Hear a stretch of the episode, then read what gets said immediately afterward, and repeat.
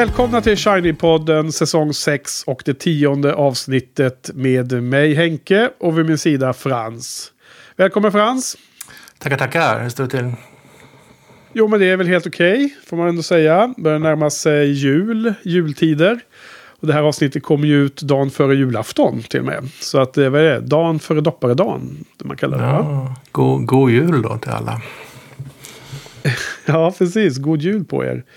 Bra. Eh, ja, idag ska vi då prata om den ökända filmen Notorious från 1946. Wow, grattis, eh, grattis till ord, ordvitsen. Ja, tack, tack, tack. Eh, huvudpersoner spelas av Cary Grant och Ingrid Bergman. Så eh, vi kanske ska dra igång med en gång. Eh, nej, ska vi inte. Vi ska ju eh, kasta oss in på inboxen först ju. Ja, det tycker jag. Eh, för, ja, det visst. För jag har fått två trevliga kommentarer här. Och då ska jag också säga att vi spelar in ganska tidigt i veckan den här gången. Så att, eh, men det har ändå hunnit in två, eh, två kvicka eh, lyssnare och eh, så här kommentarskrivare. Och förra veckan var ju då filmen Spellbound. Eh, Eh, spännande diskussion för att vi visade sig att vi hade ju väldigt olika syn på den filmen. Eh, vilket alltid är kul i, i ett perspektiv. Att få de här eh, lite olika syn på den. Och eh, lustigt nog så var ju också att Patrik och Sofia respektive som skrivit in kommentarer har ehm, eh, också eh, symboliserat den här splittringen i hur man kan se på filmen. Eh, Patrik börjar här med att han eh, inte tyckte att den var speciellt bra. Den var inget bra, skriver han. Eh, det var lite spännande mot slutet om vem som är mördaren, men annars ett sömnpiller. Så att jag får väl eh, eh räkna in honom på mitt lag då mer i, eh, i, i den eh, biten om hur pass mycket man uppskattar filmen. Men däremot så skriver han här också, eh, Frans, att han blir varm i hjärtat av att höra Frans härliga beskrivning om filmen. eh, och, och, ja, tackar Patrik för den eh, kommentaren. Och jag håller ju helt med. Det, det, är, det är kul att, eh, att få höra någon som gillar en, en, film väldigt mycket. Och det, är, eh, det ska vi verkligen ta med oss. Och sen så, eh, du vet Patrik han är ju en gammal eh, eh, syntare, du vet, som det hette när man växte upp. Som gillar syntmusik och väldigt eh, mer... Eh, Eh, det ska bara vara syntar om man säger så. Och eh, han var ju, skrev här att han, att han gillar pratet om teremininstrumentet. Alltså detta underbara instrument, utropstecken, utropstecken. Eh, och det var också kul. Du, du gav ju en liten eh, bakgrundsinfo, en liten anekdot om det här instrumentet. Så att eh, det var säkert uppskattat där ute bland lyssnarna. Ja, det, det, det, ringer en svag klocka nu när du säger det. För att jag undrar om det inte var någonting i stil med att de som tillverkade en av de stora tillverkarna eller säljarna av termin var också några som tillverkade några av de första syntarna. Ja, mycket för, för mig att det kan ha funnits en sån koppling. Det kanske Patrik vet bättre då. Ja, jo, det vet han säkert. Ja, så det var väl lite vad Patrik skrev om. Men Sofia har också varit inne och, och skrivit en lång och köttig kommentar. Så vad har, vad hon på, på hjärtat då, Frans? Ja, jag tror att hon tyckte betydligt bättre om filmen än, än Patrik och, och du då. Men kanske inte lika, lika mycket som, som jag. Men, men nära på känns det som. Hon beskriver ehm, eh, förälskelsen som vi debatterade en hel del. Som hon inte hade så stora problem med. Och... Eh, och eh, Gregory Peck, Pecks figurs eh, vredesutbrott och plötsliga eventuella farlighet hade hon inte heller några större problem med. Eh, en intressant sak som jag märkte, både, både Patrik och Sofia beskriver Gregory Peck med orden, ordet träig. Var det, var det det ordet du använde också eller? Jag kommer, jag kommer inte ihåg faktiskt. Kan ha gjort det. Jag, jag, tror att det är ett ord som ingår i min vokabulär. Men jag kommer inte ihåg om jag använde det själv den här gången. Eller om det var något som Patrik eh, introducerade. Nej, det är i alla fall ett ganska illustrativt adjektiv. Ja, ja. Jo, jag håller med dock. Jag kommer inte ihåg om jag sa det, men jag, jag, jag håller med. Mm. Sen pratar hon om att hon inte tror så mycket på, på psykoanalysen som, som renodlad vetenskap. Nej, precis. Det gör vi väl inte någon av oss egentligen. Va? Du är också inne på det att, eh, att det inte uppfyller liksom de mest eh, hårdnackade kriterierna för så, så kallad riktig vetenskap. Men att det finns andra värden i det som du lyfte. Ja, precis. Jag tycker att om, om, man, om man förstår, förstår vad Freud var ute efter, eller tror sig förstå det, så kan man tänka på det själv och applicera på sin, sitt eget liv och få ut någonting av det. Det var det som var min poäng. Ja. Men sen, sen har ju Sofia också svarat på frågan om filmen som man... Hur var frågan? Filmer som man vet inte, inte tål en närmare analys men som man ändå älskar. Hon pratar om Stargate och en film som heter ID4. Jag måste erkänna att jag känner, inte till någon av dem. Jag känner till att det fanns en film som heter IDA för några år sedan. Ja, Ida, ja. ja precis. Var det någon polsk film? Det du tänker på, svartvit om andra världskriget? Nej, det var någon science fiction. Ida. Science fiction, jag det hette IDA. Eh, Okej, okay, ja det vet jag inte. Men eh, alltså ID, ID4 står för Independence Day, den filmen. Ja, med eh, Will, Will Smith. Ja, med Will Smith och han som spelar presidenten och ja, alla de där. Eh, och det kommer aliens och spränger Vita huset och alla de där. Det, det är ju en förkortning på den filmen. Just Men vad står, vad står fyran för då? Eh, är det Force of July va, som är deras eh, ah, okay, okay. nationaldag? Just det. Ja, Stargate är ju en eh, ganska schysst, eh, åt, nej kanske 90, tidigt 90-tal eh, science fiction. Där de hittar någon slags eh, portal nere i, i Egypten som man kan resa till andra är det andra, annan tid eller om det är... Nej, jag tror det är annan plats i universum samma tid. Eller kan vara också tidsresa, jag kommer inte ihåg. Men så skickar man in både, eh, ett team med både någon vetenskapsman och några militärer. Och det är väl eh, Kurt Russell är ju med och... Eh, är det han James Spader, om, du kommer ihåg honom, tror jag är vetenskapsmannen. Och, eh, men den är, den är helt okej okay, och den är ganska kul och fantasirik. Och eh, säkerligen som Sofia säger att den kanske inte håller alla logiska, eh, så här, alla Eh, en analys av logiken i filmen kanske inte funkar, men, men eh, jag förstår hennes tanke där. Eh, det blev ju också en tv-serie som heter Stargate. Okay, flera, okay. Men det är bra, de, de kvalificerar helt klart i alla fall. Ja, ja precis. Eh, det gör de absolut. Och jag pratar ju själv en hel del om eh, ett antal olika Tarantino-filmer då på förra veckans podd. Men det, det försvann visst på klippgolvet där då. Så att eh, det, det, det får lyssnarna fantisera ihop själva vad jag hade att säga om dem. Men det var, det var, det var mina, mina svar på din fråga där. För en vecka. Ja, just det. Ja, men du, det var ju jättetrevligt och vi tackar för de här kommentarerna. Vi var klara där eller? Ja, ja. Ja, Spellbound. Så nu återser vi Ingrid Bergman igen. Och vi får återkomma till det med skådespeleriet och allting. Så först en kort synopsis från Letterboxed. Ja. Det är där vi läser. Är det där vi läser idag också? Det är där vi läser idag också. Jag ska läsa första halvan av den synopsisen tänkte jag. Okej. Okay. Det står så här. Mm. In order to help bring Nazis to justice, US government agent T.R. Devlin recruits Alicia Huberman, the American daughter of a convicted German war criminal, as a spy. Så står det. Ja, det var klart. Det var klart. Ja, perfekt. Ja, vad, vad tycker vi om den här filmen då? Du får börja Frans. Eh, jag ska säga först att det var ganska länge sedan jag såg den. Jag tror att jag, skrev om den på, på den tiden jag skrev på din, eh, på din sajt där, Fripp. Typ 2011 eller något sånt där. Jag, men, jag tror att det var senaste gången jag såg den. Så att det var en intressant eh, lång tidsperiod mellan, mellan tittarna. Men ja. det är en, en lättsam spionhistoria till en början som långsamt blir mer och mer gastkramande och mer och mer hjärtskärande. Den är perfekt berättad, minimalt, genialt filmad. Jag tycker det stora problemet med filmen är att den är alldeles för spännande. Ja, okej. Okay. Hur menar du? Ja, men, man gör inte så här spännande filmer längre. På nu för tiden så, får, så finns det ju alltid någon slags trygghet i, eh, i spänningsfilmer. Här finns det ingenting. Liksom. Det, och det är inte heller någon sån här storslagen spänning utan det är en slags lågmäld dämpad spänning. Det finns inga sådana här riktigt uttalade spänningsmoment. Men ändå så känner man att man blir mer och mer rastlös och mer och mer orolig och till slut så känner man att man knappt kan titta längre. Trots, ja. trots att man vet vad som kommer att hända.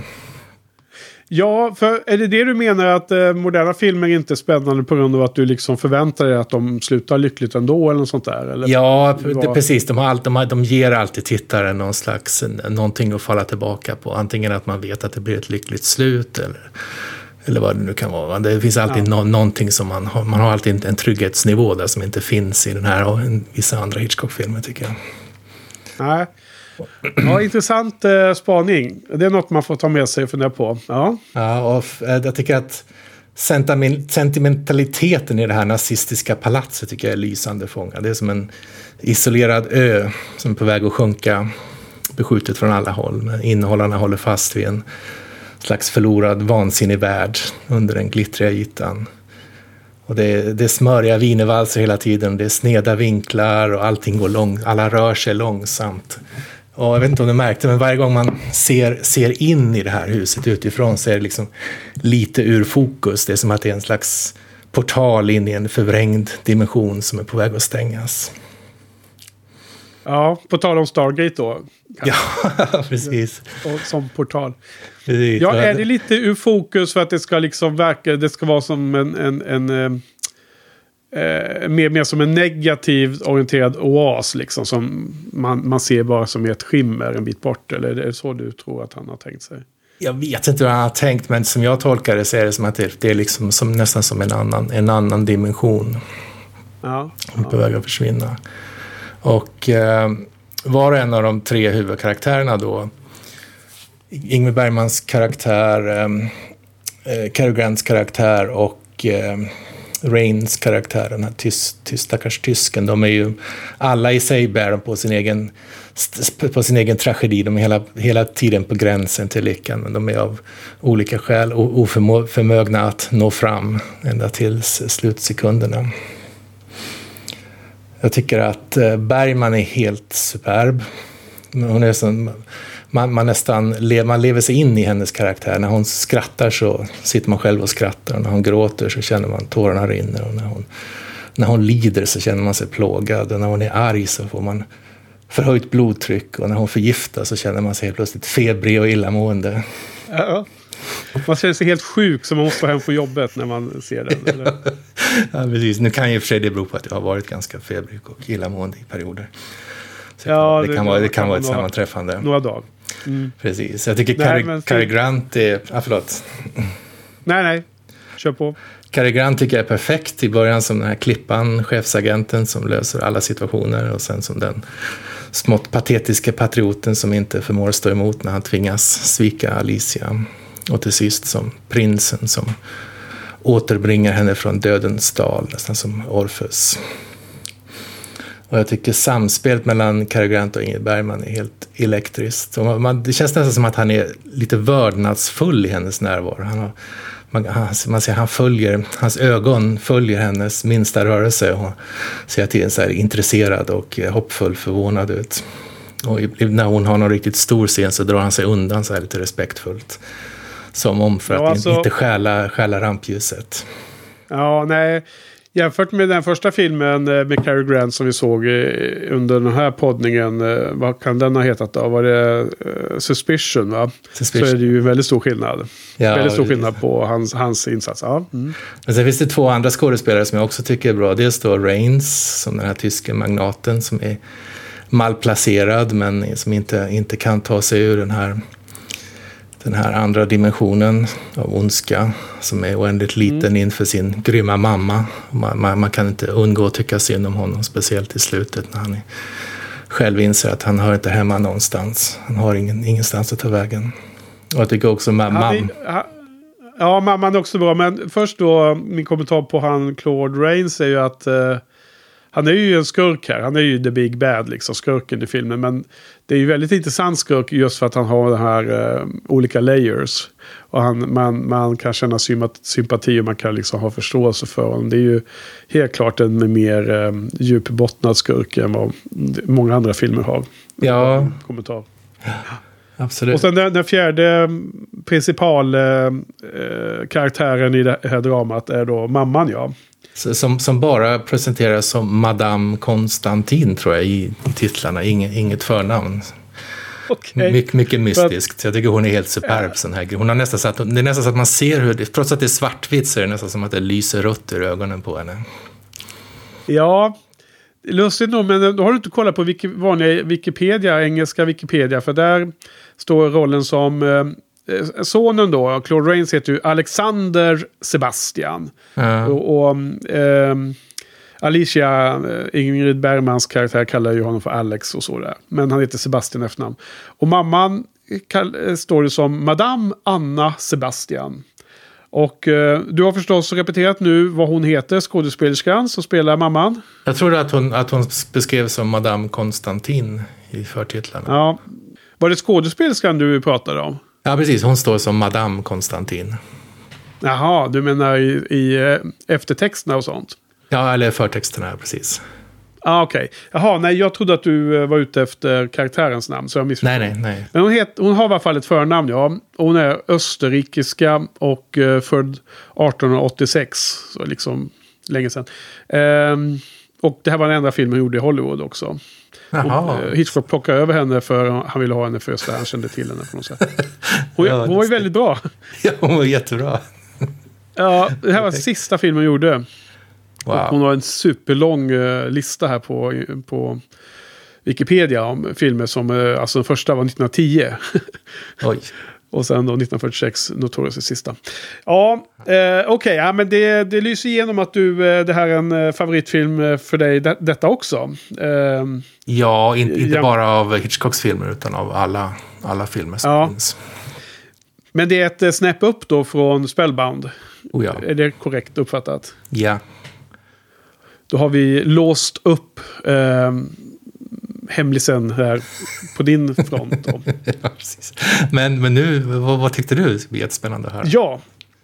Nej, men alltså, det här är ju jätteskönt att uh, kunna konstatera att det är en mycket, mycket, mycket bättre film än Spellbound. Så att... Uh, Eh, oavsett hur högt betyg du sätter så kan vi inte få större... Kan vi inte ha samma avstånd i våra betyg eh, längre än vad, eh, som det var förra gången. Det var svag, svag tvåa mot fyra och en halv då ju. Och, och den det kan inte bli. Men, eh, och, och jag gillar filmen skarpt. Det här var andra gången jag såg den. Men jag tror väl att jag tyckte ungefär lika första gången jag såg den. Så att det känns inte som att den...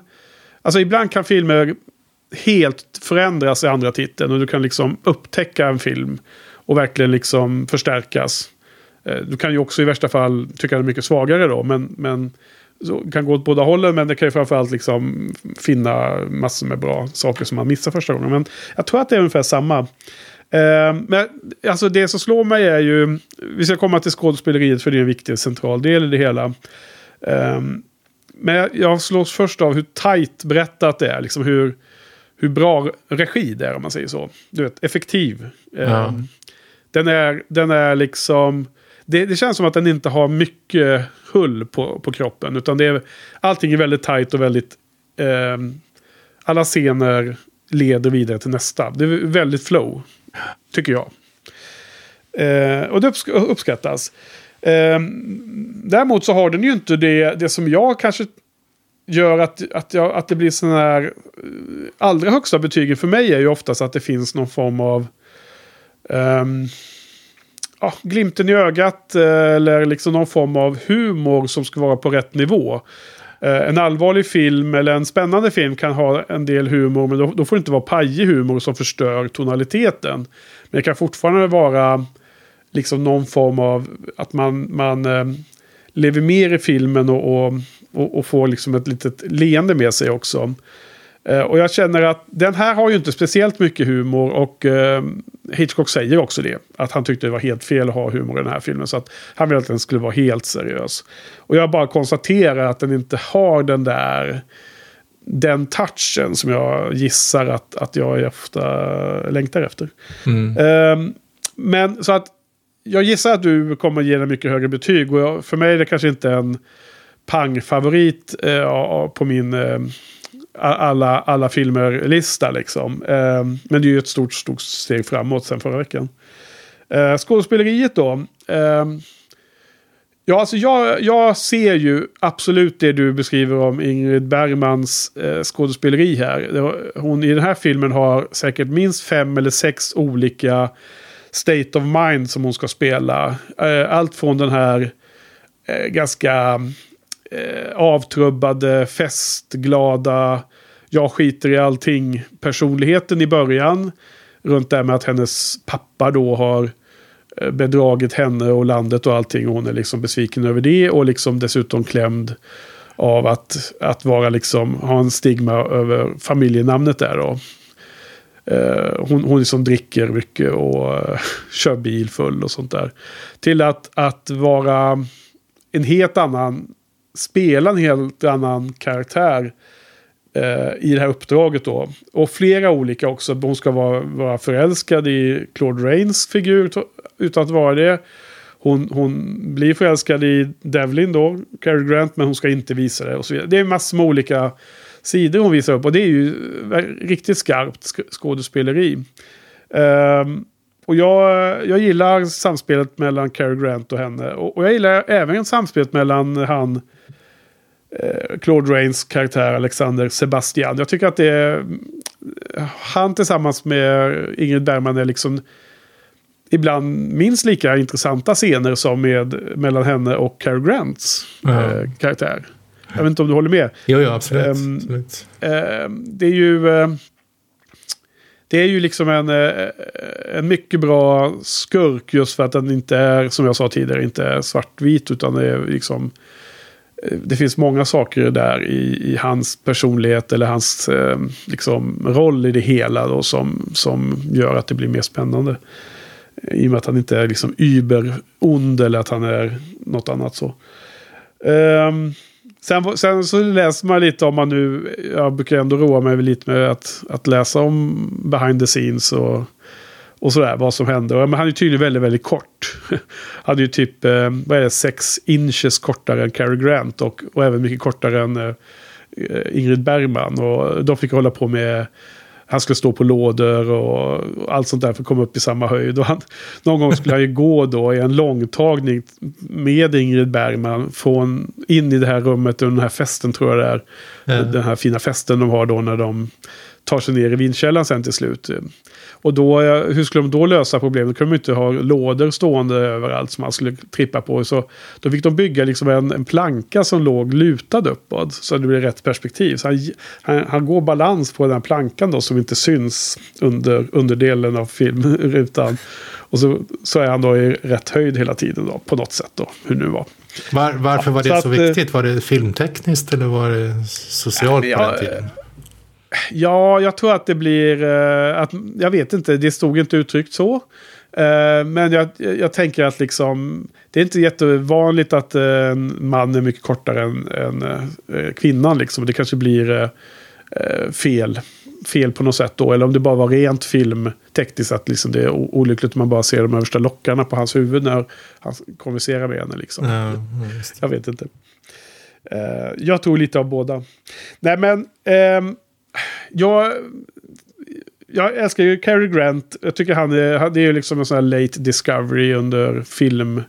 När man har blivit mer filmintresserad och börjat med bloggen och sånt de senaste tio åren. Och, eh, många av de filmerna som jag har sett har jag sett med dig Frans. Du har ju mycket Cary Grant-filmer hemma.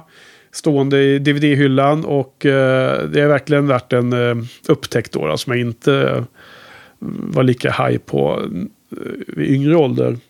Eh, och jag tycker att han spelar eh, sin roll som du beskrev delvis eh, väldigt väl. Ehm, I början är han väl eh, väldigt säker och världsvan och sen ett tag där så är han ju svag i tanken. Liksom. Han, eh, det här när, när han då ska lämna Rio och ta ett uppdrag i Spanien då. Att han liksom inte riktigt orkar med situationen. Det, det framkommer och sen i slutet så är han, vad sa du, den Shining Knight in Armor som kommer rädda henne va? Ja, precis. Uh, och den här scenen då på bänken, den klassiska scenen när uh, hon kommer för att av, rapportera av. Och första gången man får se att hon är rejält sjuk då på grund av den här långsamma ar arsenikförgiftningen. Eh, den är ju väldigt eh, spännande, väldigt bra spelad av båda då. Eh, och inte minst Cary Grant, jag tycker det, det är väldigt bra. Mm. Eh, nej men så jag, jag hyllar båda och jag hyllar Bergman, men alltså jag har ju gjort misstaget här att jag har ju sett den här dokumentären, Jag och Ingrid från 2015. Jag såg den på Malmö filmdagar tillsammans med flera av kompisarna som eventuellt kanske lyssnar på den här podden. Okay. Och jag, jag fick ju en väldigt dålig Eh, bilden av henne som privatperson och hennes val, eh, hur hon eh, övergav sin familj och, sina barn för att köra sin karriär 100 procent. Det gav mig väldigt dålig alltså eftersmak i munnen. Jag, jag, jag, jag känner att jag inte... Jag känner att det perspektivet blir påträngande i de här filmerna, både Spellbound och den här, så har jag känt att jag kan tyvärr inte mm, uppleva samma eh, synk med hennes karaktärer som du, som du beskrev. Allt från bedrövelser till eufori och till, från sjukdomar till kärlek. Ja, ja liksom det är inte, hon, eh, jag, jag har eh, en beef med, med skådespelaren bakom fasaden. och tyvärr går det inte att helt eh, separera dem för mig. Nej. Har jag kommit fram till. Så att i det här läget så vill jag ge dig ett jättestarkt filmtips. Och det är att inte se den dokumentären. nu, vet, nu vet jag ju vad det handlar om. Så. du vet det handlar om, men du har inte sett det. Jag har inte sett... Eh, eh, och du har inte liksom utsatt dig för att, att få den här reaktionen som jag har fått. Ja, nej, men det ska jag inte göra. Nej, men både Sofia och Jojonito var ju med där och har ju sett den där dokumentären. Och får gärna, om de orkar, gå in och kommentera på shinypodden.se. Eh, gå in och, och, skriva om de håller med eller, eller tycker emot. Eh, så är det jättespännande att få andras synpunkter på just den här lilla biten med eh, huruvida Ehm, Ehm, ja, om alla de här aspekterna. Både liksom om dokumentären och hur, hur, hur, den visar henne. Men också då om det, är, om det är rimligt att det får påverka ens upplevelse av filmen som jag gör här nu då. Eller av hennes skådespeleri menar jag. Mm. Och, eh, och jag, menar, jag såg ju Casablanca långt, långt innan jag såg den här dokumentären. Och då kom jag ihåg att det var en av behållningarna i den filmen som jag gav fyra av fem.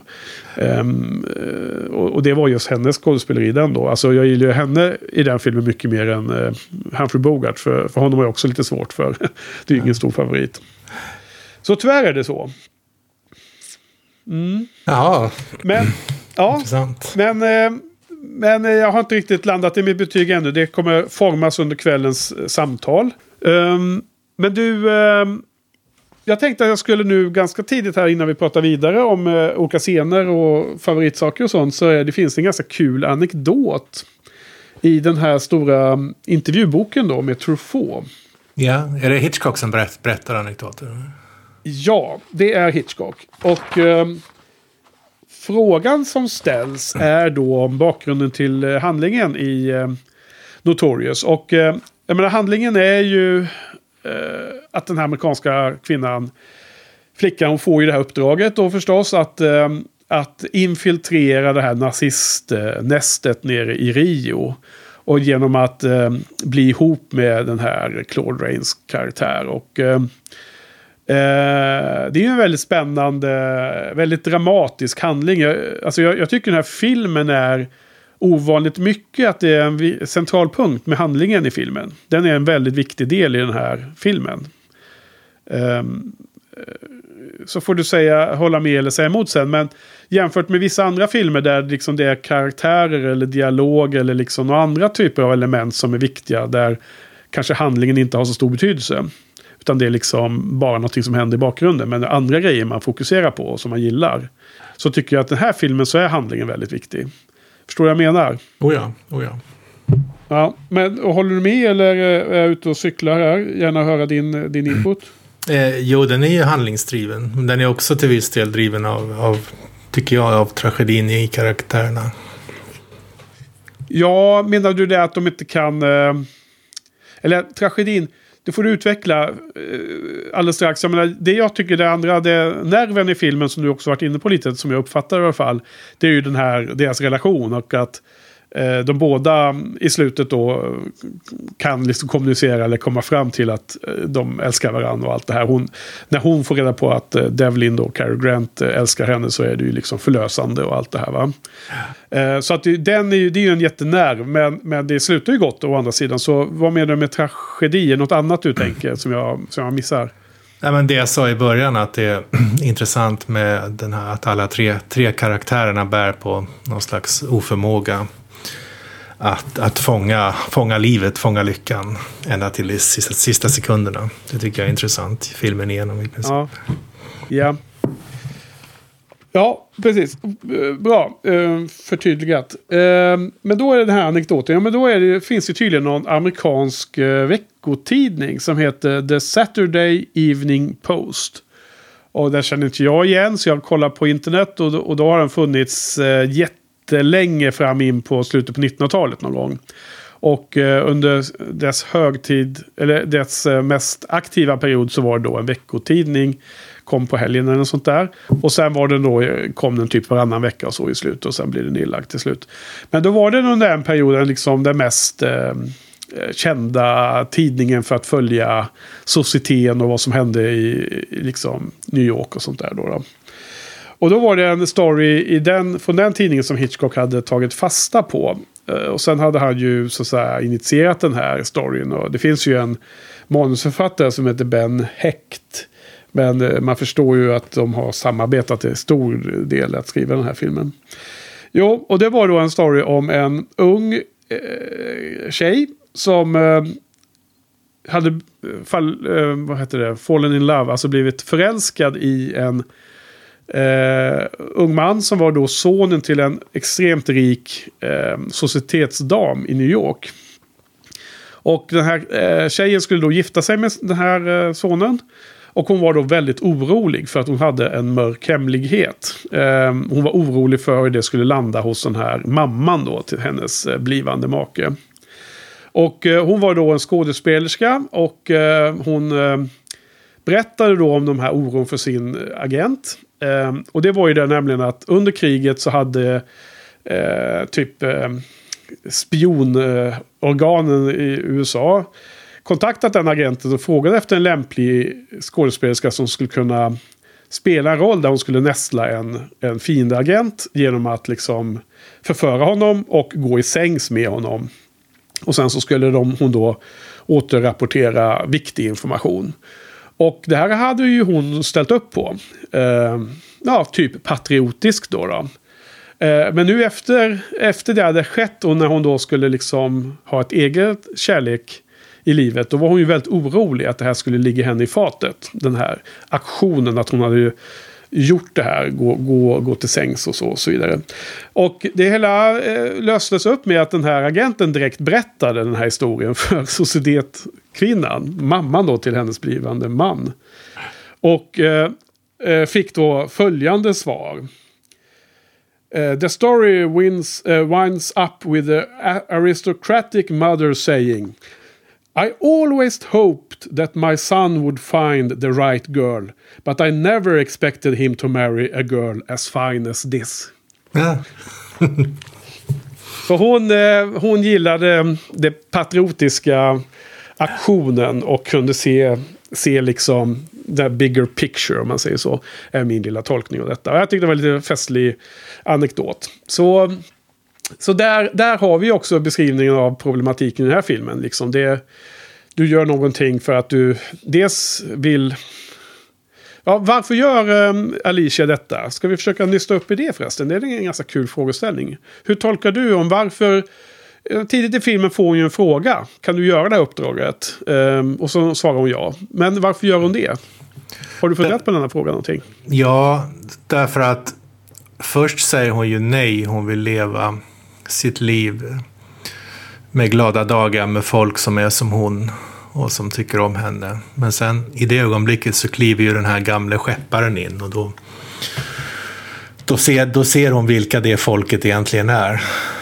De Ja. ga- gamla suputerna, gamla gubbarna som, som super och seglar. Och då inser hon att det där är ju inte hennes, det är inget liv liksom. Och då, då, då svarar hon ja. Ja. Ja, precis. Och, ehm, så det är dels att, att vända sig från sitt eh, leverne. Då då. Eh, men jag, jag, känner också att, och jag, jag håller helt med, det där läste jag också in i situationen. Men jag kände också det här med att hon hade någon form av obetald eh, skuld till eh, hemlandet, om man säger så. Um, det framkommer ju via den här eh, ljudupptagningen, för de har ju buggat deras hem då. Så han, han uh, vet du, Devlin då spelar ju upp då på LP-skiva för övrigt. Lustigt. De har spelat in då och han ska kunna ta med det så ja, det blir en LP-skiva. Då så är hon ju arg på sin pappa och, och, och, du vet, eh, konflikt däremellan för att han eh, har förrått landet och han är nazist och så vidare.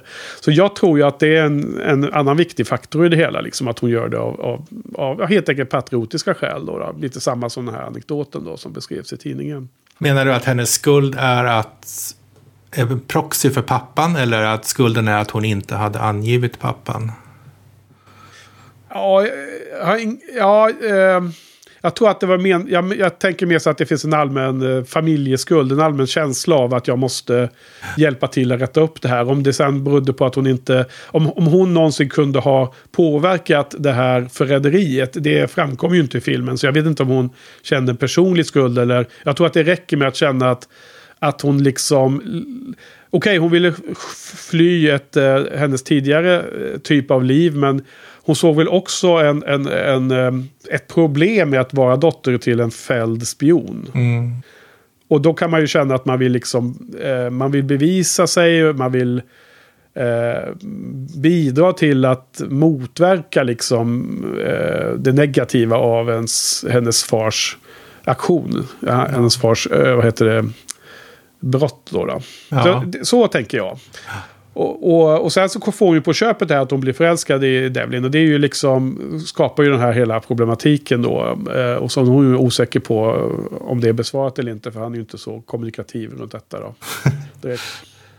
ja, nej men det köper jag. Jag tror att hon också, att hon också som en tredje del, att hon bara någon slags allmän eh, eh känsla av spänning liksom. Ja, alltså Eh, Eh, det hade jag inte tänkt, men det, det, det tror jag absolut nu när du nämner det så är det ju, hon, hon, hon beskrivs ju som en äventyrlig, eller liksom våghalsig menar jag. Inte äventyrlig utan våghalsig person. För att jag menar, hon är uppenbarligen ganska packad och de ska ut och köra bil av någon anledning där precis i början efter festen. Och, och då så vill hon köra liksom. Och eh, hon, hon vill åka fortare och fortare och det, det svänger fram och tillbaka på vägen. Eh, så det framgår ganska tydligt liksom att det här är mer som ett test. Hon, hon liksom gör en dare där och hon, hon vill att han ska avbryta. Men han liksom låter det ske även om han har sin hand där lite redo att rädda upp bilen om de skulle krocka liksom. Så att hon, hon, är nog, hon är nog en sån eh, personlighet som driven av eh, adrenalinkickar i någon mening. Det, det är väl ungefär det som jag får av den scenen i alla fall. Eh, det är ganska lustigt runt den här. Det, jag sa att det inte var så mycket humor, men, men det, det lilla som är är väl kanske precis där i den första scenen innan filmen eh, alltså satt sig och det var du också inne på lite att den börjar lite mer lättsam och sen blir den mer och mer sträng mot oss. Eh, det är några roliga grejer som händer. Bland annat när de har druckit då hela natten igenom så ligger det några däckade personer där i någon soffa. Jag tror det ligger en man och så ligger en kvinna över honom. Och när, när de går ut då till bilen så har ju Cary Grant ett, en drinkglas i handen. Och så, då ställer han, det, ställer han undan det liksom när de går ut. I, ja. liksom, i rörelsen, de går iväg. Han ställer ner den, men inte på ett litet bord eller sådär. Han ställer det på bröstkorgen på kvinnan som är däckad. liksom helt, helt okommenterat utan någon min eller någonting. Så det var en bra plats. Ja, just det, för hon, och, ligger, hon ligger som i brygga nästan, på rygg med, med huvudet neråt ena hållet och benen neråt andra hållet. Ja. Ja, exakt. Liksom så att det är ovanför brösten, men det är på, bröst, eh, på bröstbenet liksom, finns det en liten eh, yta där som man kan ställa den på. ja, och sen är det då eh, en annan så här som man kan lägga märke till att när de åkt omkring där med bilen, hon kör fortare och fortare, hon ska åka i 80 eller vad det är, så är det miles per hour då får man tänka på.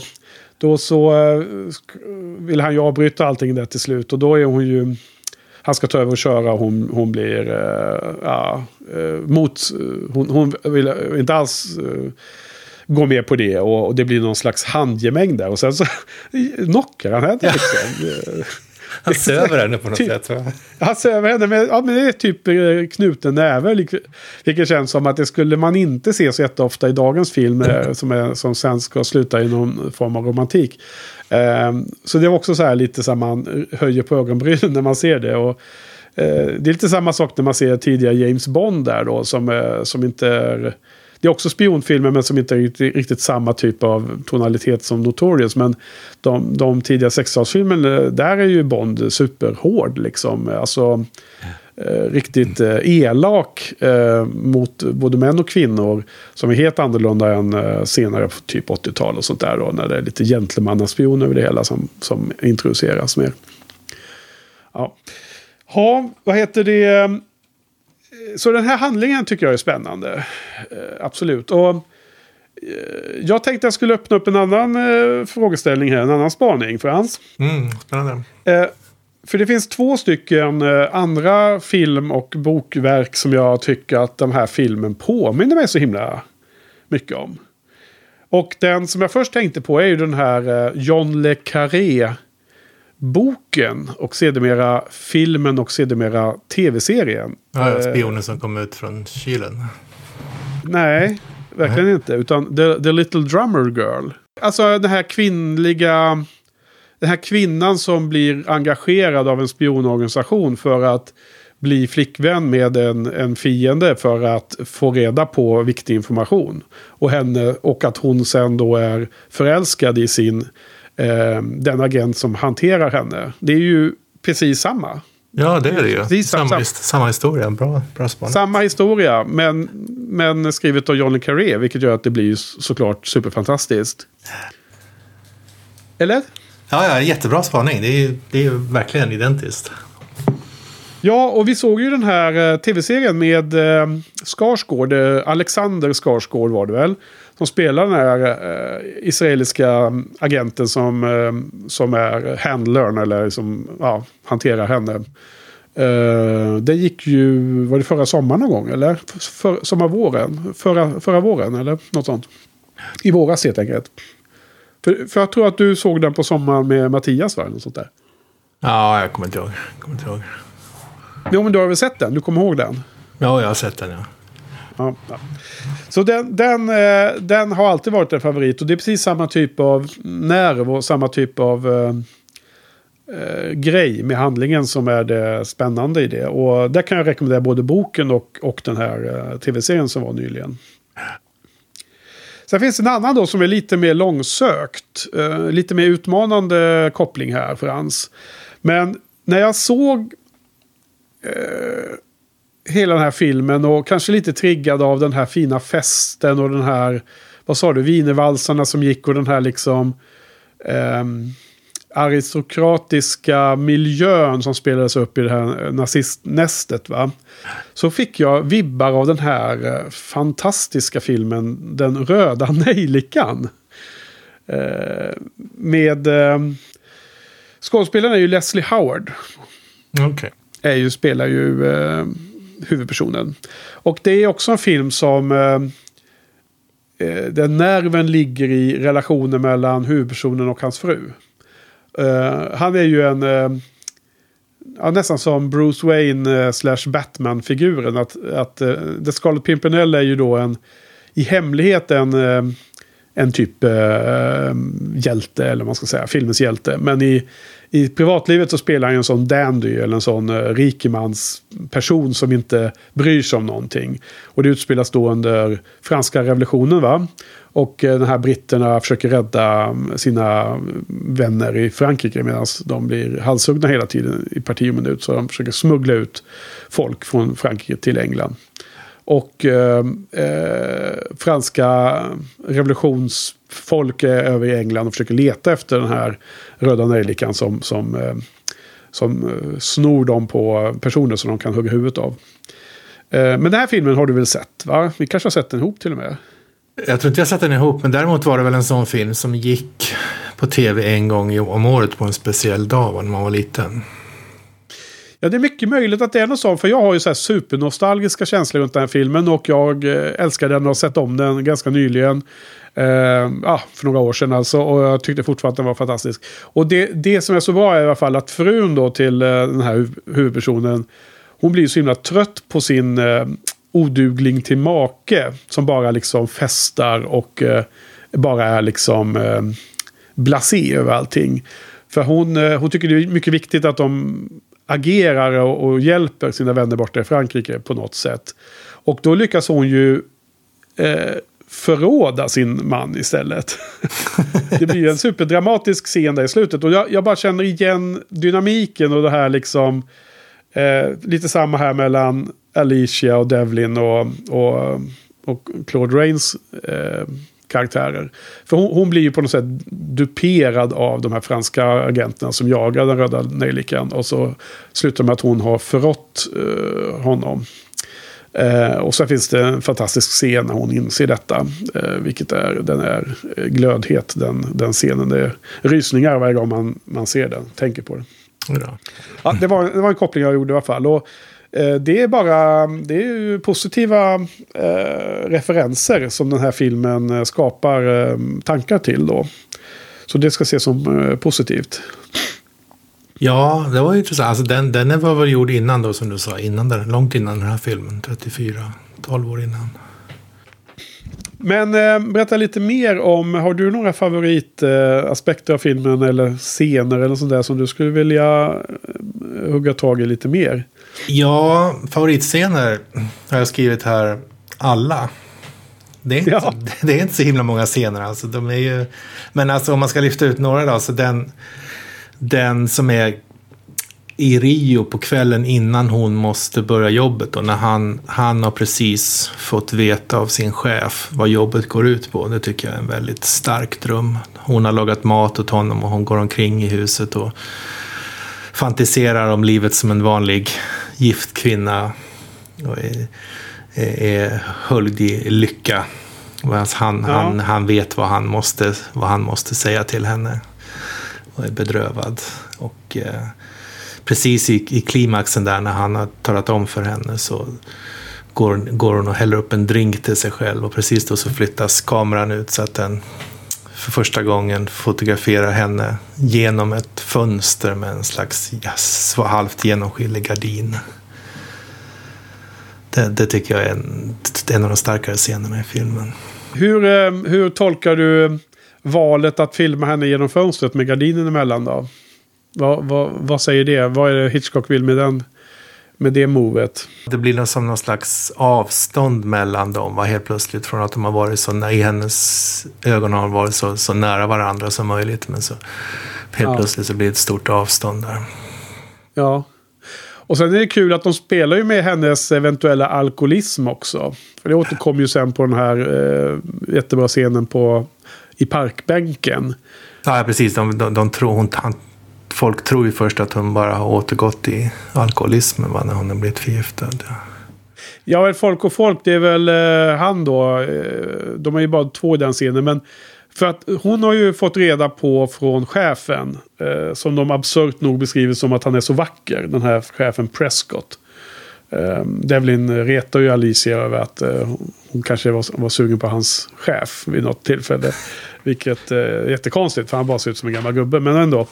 Eh, då har han Prescott sagt att eh, Devlin har begärt att flytta till Spanien. Och, eh, så hon säger väl det här med att hon har börjat dricka igen för att skjuta ifrån sig honom. Alltså eh, underlätta för honom att lämna henne. Det är väl därför hon säger så. Mm. Har jag, tolkar jag det som. Det är ju den här miss, malplacerade mm. liksom. Och jag älskar dig så mycket så att eh, jag måste, liksom, för, för, att skydda dig så måste jag säga att jag inte älskar dig och så. Ja, precis. Den där, den där sticken. Är det innan? Det finns ju, det finns ju scener när hon inser att hon håller på att bli förgiftad också. Ja. Det är väldigt fin. Men är den innan den eller efter den? Um, efter scenen den, på bänken tror jag är innan hon har upptäckt att hon är förgiftad. Ja, precis. Hon vet inte för, om för det. för att hon har inte...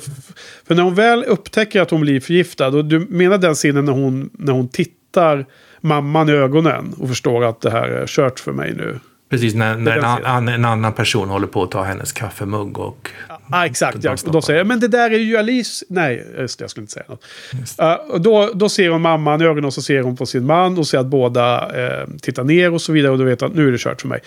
Det, sen efter den punkten så har hon ju ingen chans att kommunicera med Devlin. Så att Nej, det är ju nej, absolut precis. så att hon inte vet om att hon är förgiftad i första scenen. Men, men hon... eh, jag tror inte att hon... eh, hon hittar ändå på att hon har eh, druckit alkohol.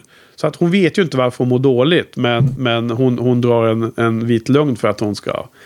Ja, för att eh, hon älskar honom så mycket liksom, så att han, han, han, han ska inte behöva Men slitas han- här av detta.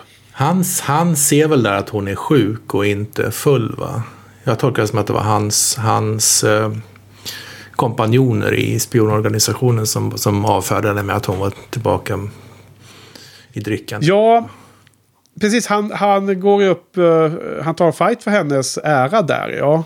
Sen med sina kollegor. De är liksom mer dismissive och så här. Och, och han, han, eh, han eh, eh, står upp för henne, vilket är fint. Jag tror att han är tveksam. Jag tror att han, är, eh, jag tror att han håller på och funderar. Och sen när hon försvinner eh, fem dagar eller vad det är, nästan en vecka, då, då faller polletten ner. Så jag tror inte att han vet det med en gång. Då skulle han nog inte ha släppt henne tillbaka dit. Nej, nej, just det. Rim, rimligen.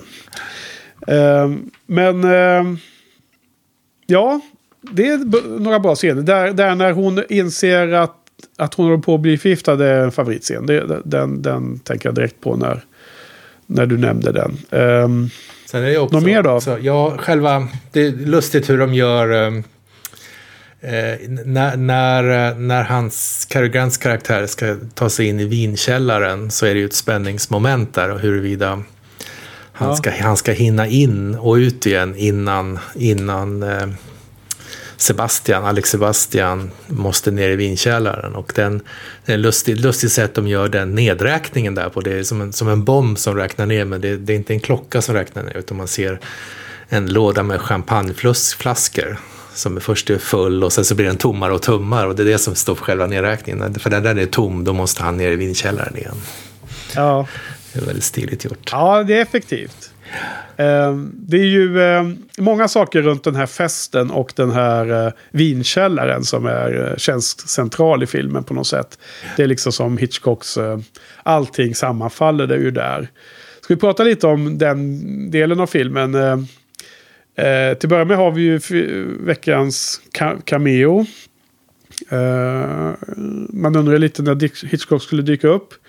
Och det var ju här då efter någon eh, dryg timme när den här festen börjar så står han ju där i förgrunden av film av duken, alltså mitt i blick och dricker champagne. Det är den första gästen man ser. eh, Ja, just just när de närmar sig det där bordet.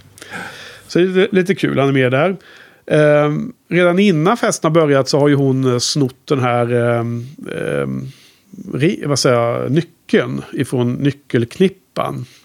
Och eh, då har ju Hitchcock en sån här långtagning igen som är lite av samma eh, slag som den där långtagningen hade i den där Young and Innocent när kameran gick in i ett rum och sen zoomade sig igenom dansande par ända bort till bandet och in genom bandet och in ända fram till ögat på trummisen. Lu- lustigt, jag har också skrivit, skrivit det. Exakt så. Ja, och här är det någon liknande långtagning som slutar med att man får se att hon håller... eh, Hur är det? Man får se henne, hon håller i nyckeln va? Eh, Hon gömmer den för, för honom eller hon har det Ja, precis. Ka- ka- kameran börjar med en jättestor översikt och sen så... I Young and Innocent så letar ju sig kameran igenom hela salen, men här så fokuserar den bara... Du vet den precis vart den ska. Den fokuserar mer och mer på hennes hand tills det bara, man bara ser Ja. handen med nyckeln i. den.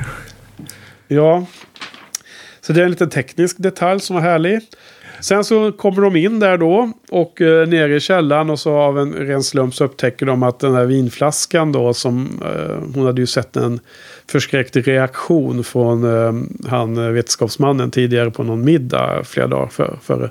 Så då kan de liksom förstå att den här vinflaskan är något konstigt med. Och då hittar de ju någon slags uraniumsand i den. Så då har vi ju kommit fram till eh, veckans McGuffin. Och då är det så att den här eh, filmen, bör, den kom ju ut där, eh, jag ska se när den hade premiär. Det var alltså i, på hösten 46 va? 15 augusti 1946. Men de började skriva manus 1944 och eh, då så ville Eh, det var, det var Cary Grant och Ingrid Bergman och skådespelarna var engagerade. Eh, de höll på med manus. Eh, det var Selznick som var producent och hans kompanjoner. Och då ville ju Hitchcock, enligt egen utsago då, att vi ska ha någonting om eh, uranium och eh, som man kan använda för att konstruera atombomb. Han hade hört om att det fanns en eh, stad i New Mexico där, man, eh, där vetenskapsmän åkte till. Och när de åkte in där så kom de aldrig ut igen, som han beskrev. Eh, och de höll på att jobba på en bomb där. Jaha. Vilket lustigt nog var sant. Det är ju Los Alamos, där vår gode vän eh, docenten Anders Niklasson eh, bor. Precis. Eh, då, men det här var före USA hade släppt atombomben över Japan. Eh, gånger två, Nagasaki och Hiroshima. Så att producenterna på filmbolaget de sa bara det där är helt orimlig tanke. Det, är så, det, det där verkar inte alls eh, realistiskt eller vettigt. Så att de köpte inte hans Eh, val av så här eh, McGuffin. Vad liksom det, na, nazistnästet skulle vara intresserad av. Så då fick han tänka om där och så tänkte han att det kanske skulle vara industridiamanter då som de eh, samlar på sig som skulle användas i någon eh, illvillig produktion av något hemskt vapen. Men det köpte inte heller producenterna. Så det, det slutade med att Selznicks gäng eh, sålde ju rättigheterna. Filmen, Hitchcock, alla skådespelarna såldes ju till den här RKO. Eh, bolaget som har gjort den här. RKO Radio Pictures. Ja. Så att det är ju inte Selznick. Eh, utan han är ju utlånad igen. Eller rätt sagt uthyrd eller såld. Då.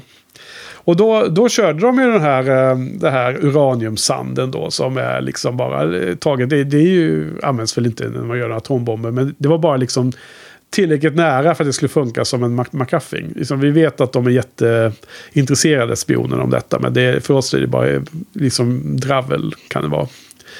Eh, så att eh, i det här fallet så, så tycker jag McCuffin är klockren enligt sin eh, definition. Sin rätta definition.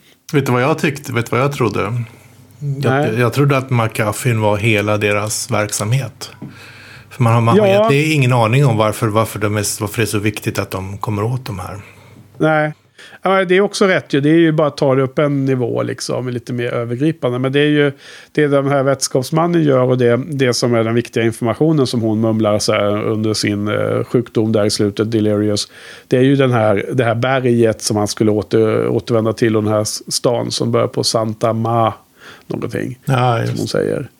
Så att det är ju det här. Hon, han har ju avslöjat sig den här vetenskapsmannen. Och, och, hon har ju fått reda på. Hon har ju slutfört sitt uppdrag liksom. De har ju nu koll på vart den här viktiga uraniumsanden kommer ifrån. Ja. Eh, enligt Hitchcock i, i intervjuboken så efter att han eh, hade rådfrågat någon vetenskapsman om möjlighet att det här kunde vara en, en, teknisk spännande grej. Så eh, han hade frågat liksom hur, eh, hur, eh, kan, kan, hur kan man göra en atombomb och så. Så hade han ju blivit eh, eh, följd och eh, eh alltså FBI hade ju intresserat sig för honom efter det. för det var ju precis brinnande krig när de gjorde bomben. Ja, herregud. ja, så det, det hade de ju reagerat på. Mm. Men det var i alla fall McAfee då är då. Jag tycker den fungerar effektivt. Så det, det både och är ju rätt. Jag, jag, jag, liksom klart, hela deras verksamhet är ju en McAfee. Och, och, det är mer specifikt den här sanden då som, som de vill åt. Mm. Eh, och sen den här scenen där nere. De avslutas ju med en annan väldigt notabel scen. Och det är ju när Ingrid Bergman och Cary Grant kysser varandra. Ut, precis utanför dörren. Eh, för att eh, han, Claude Rains karaktär kommer ner. Och eh, Cary Grant och Devlin, han, han tar det i flykten. Nu, nu kysser jag eh, världens fru. Och så blir det som är problemet istället för att, att vi var där nere i källan. Som ja, är det egentliga det. problemet. Ja, alltså på, på tal om kyss så finns det den här uh, berömda kyssen i uh, precis kvällen innan hon ska börja sitt jobb. När de, uh, när de börjar kyssas ute på balkongen i hennes lägenhet. Och ja. sen så kysser varandra under typ två, tre minuter. Men eh, de tvingas bryta, bryta, bryta av den här kyssen var tredje sekund eller vad det är på grund av den här Hollywood-koden. Ja, just det. precis. Och, och den eh, kommenterar ju också Hitchcock och Truffaut i, i intervjuboken. Och att de var tvungna att upp, uppfinna ett, en teknik för att kunna bryta mot koden utan att bli fällda så att säga på något sätt. Så han pratar i telefon och allting under tiden där. Jättebra gjort. Ja, precis. Det blir nästan bättre men- än, att ha en, än att ha en lång kyss på det sättet. Det blir mer, Ja. mer, mer erotiskt liksom när han, när, han, eh, när han gör någonting annat och hon hela tiden eh, håller honom ockuperad vid sidan om det. Ja, det blir liksom mer intimt på något sätt. Ja, intimt var ordet, ja precis. Eh, det blir som att de kan inte slita sig och, och så. Nej men det är ju lustigt, lustigt den här bakgrunden och den här Hollywood-koden vad det nu hette. Att den då var in, in play där och vid de här åren. Och, ja, eh, kul bakgrund. Och, och den, den scenen var ju med i det, det som du lyft, lyfte då med kvällen före hon startade sitt jobb där då. Ja. Okej då. Eh, en annan liten note jag har här i mina papper är ju det här med... Var det här en film noir egentligen? vi, vi pratade om det runt förra veckan ju. För det, det står ju då så på, på IMDB och på Wikipedia och sånt att det är en film noir. Men, men då är det kanske just de här eh, svartvitt och skuggor och filmteknik och stämning och så som är eh, de element som gör att det kan kallas för film noir den här gången. Eller vad tror du? Ja, det, nu när vi har lärt oss det så kan man ju tänka sig det. För mig, för mig saknar det fortfarande den här cynismen och den kort, korta, korthamrade dialogen och allt det där som jag associerar med film noir. Privatdetektiven och den eh, elaka fem fatalen, eller hur? Ja, jag kanske inte, det kanske inte, jag kanske bara inser att det inte krävs just det, men just det här cyniska sättet på, på livet. Ja. Där jag tycker det är snarare, Ja, men jag- det finns ju en värme Ja. här som inte finns i så, sånt som jag associerar med film noir. i alla fall. Jo, vad heter det? Cynismen i den här filmen finns väl om, om något på den här eh, amerikanska FBI-folket. Devlin och hans chefer och det. De är väl i någon mån cyniska över hennes del i det hela. De skiter väl i hur det går för henne liksom. Ja, och det är väldigt tydligt. Det finns en intressant detalj där som jag har funderat på. Han, Prescott som är Cary Grants chef, Ja, han är den enda som uttalar hennes, han är den som uttalar hennes namn med minst, med minst vördnad. Hon själv uttalar det, sägs, kallar sig för Hyberman. Och de som, de som är nära henne, Cary Grant till exempel, de säger, och de som är mer respektfulla i det gänget, det här spiongänget, de säger Huberman som är antagligen är det bäst, bästa en amerikansk kan åstadkomma. Men Prescott, chefen, han är den enda hela filmen som jag såg som, som kallar henne för Huberman. Typiskt, typiskt amerikanskt. Det känns som att det måste vara med flit. Att han ska, Ja. han ska vara så här riktigt arrogant. Liksom. Ja, jag har inte verkat till det och, och eh, man hoppas ju att det är med flit och att det är liksom uttänkt så. För du beskriver det ju som väldigt smart. Eller det finns en poäng i det du beskriver, liksom att kunna eh, eh, visa hur de ser på henne också genom detta. Men det kan ju, det kan ju också vara att det är en, en amerikansk skådespelare som inte uttalar det bättre än så. Alltså Jo. i värsta fall kan det ju vara så. precis. Det finns en, an, en annan lustig med det här spiongänget. Det finns ju en, en liten eh, litet utbyte där. Den, I början av filmen, så, eller när de får träffas första gången i Rio, det här spiongänget, så finns det en brasiliansk dignitet där som, som säger något i stil med att "Men varför kan vi, inte, vi vet ju var de bor, varför kan vi inte bara gå in och ta dem? Och så säger, säger Prescott, han ger något travi, trivialt argument för att det inte går. Och då helt plötsligt så säger den andra att ja, ja, okej, nej, men så måste vi göra. Självklart måste vi göra på det här sättet. Ja. De bara ändrar sig på en gång. Det känns, det känns som, att, som att det är så som, som mina vänner beskriver mig ibland. Snabba svängningar i... Ja. Precis. Ja, nej men ja, precis. Ja, det vet jag inte riktigt om jag gör den kopplingen. Men det var väl... eh, Ja, men det var lite lustigt så här. Han, han, var, han var lätt övertalad där. Ja. eh, Nej, utan det var snarare kanske så att det var också ett tecken på eh, maktdifferens eh, mellan den amerikanska agenten och honom där. Ja, just det. Det kan du också göra. Eh, liksom, eh, om de här gästerna här som har fått order om att man ska göra som de säger. och de har ett annat förslag. Då är det det som gäller nästan. Va? Ja, nej men. Eh, ja, eh, vad heter det?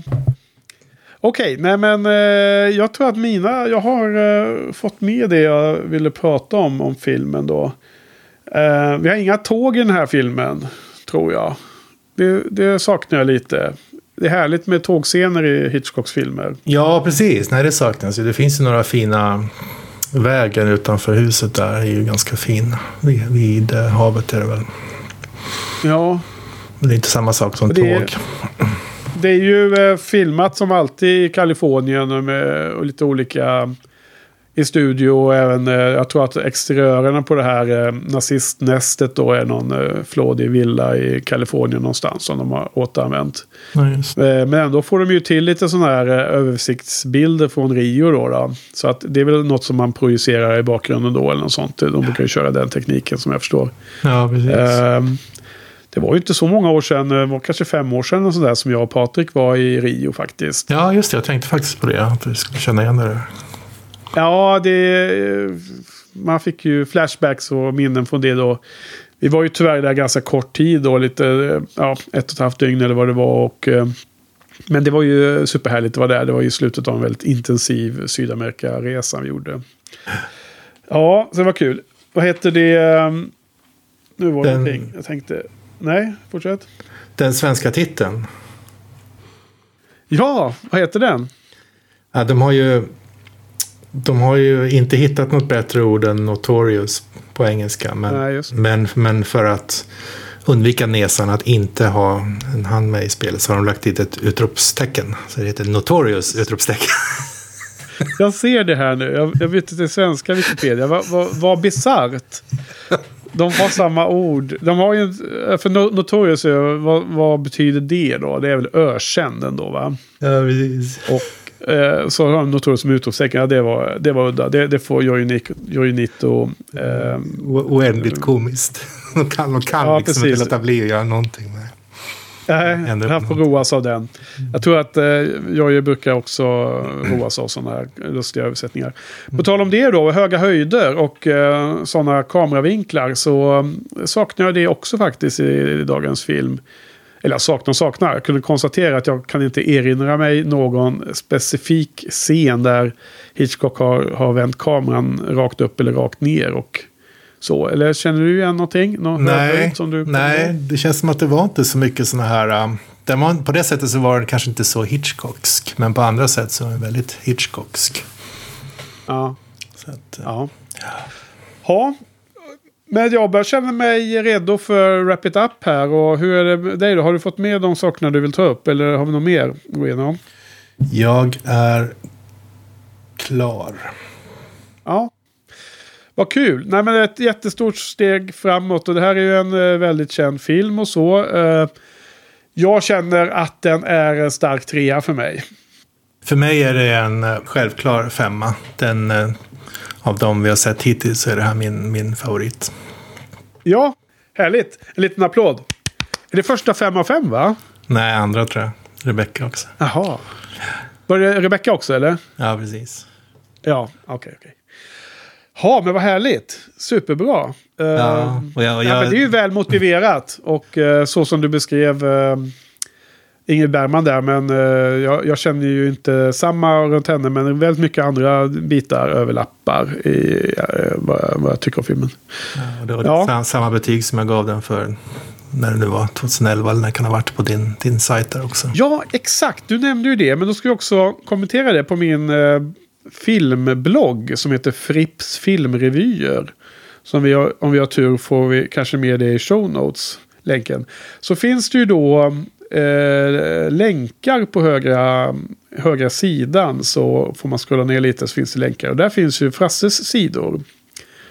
Ehm, och där kan man klicka sig in. Och där skrev du en raders recensioner va? Förr i tiden.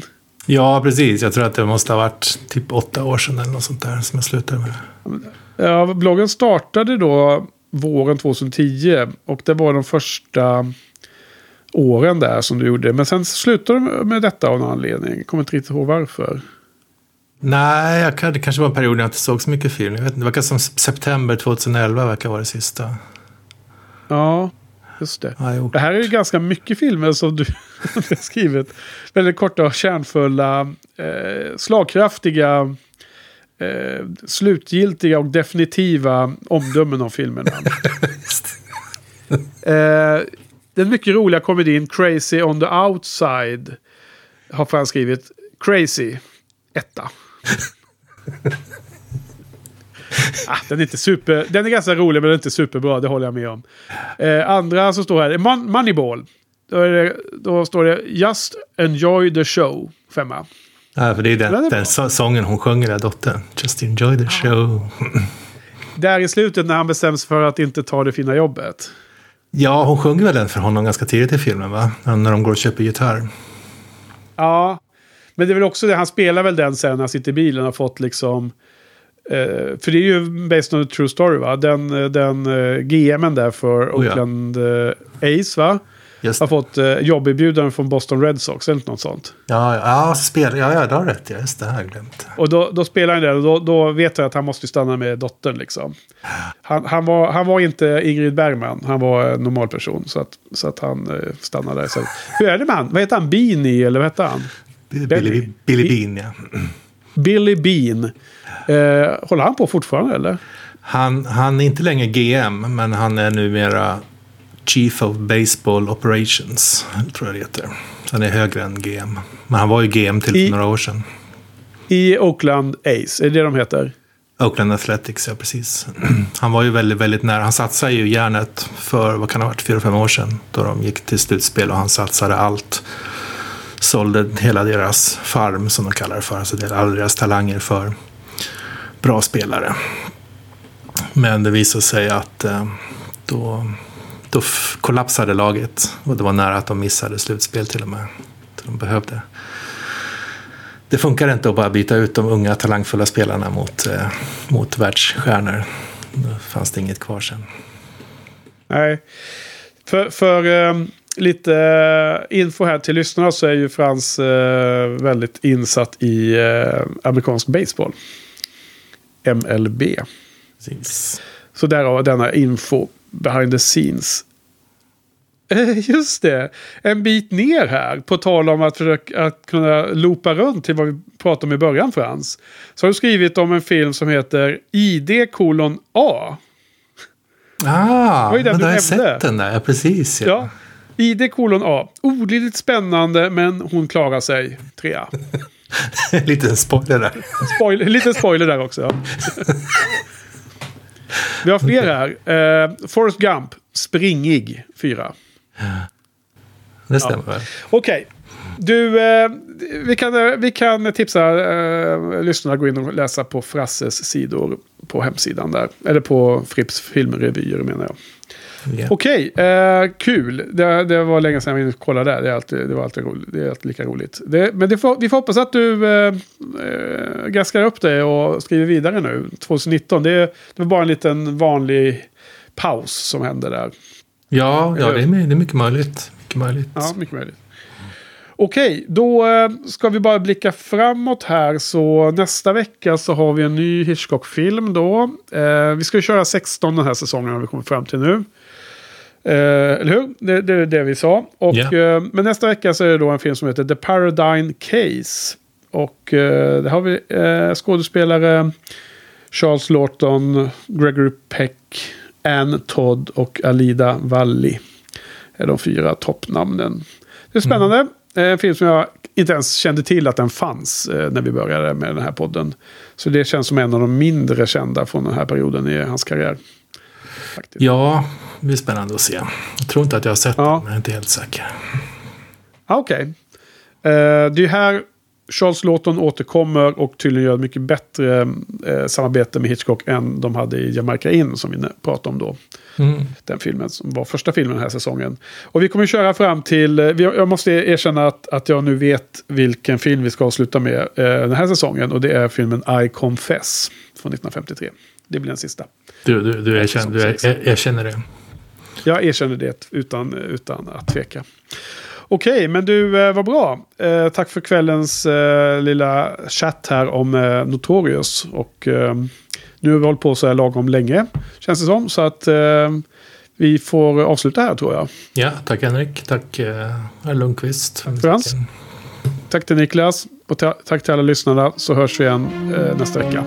Ja. God kväll. Morsning.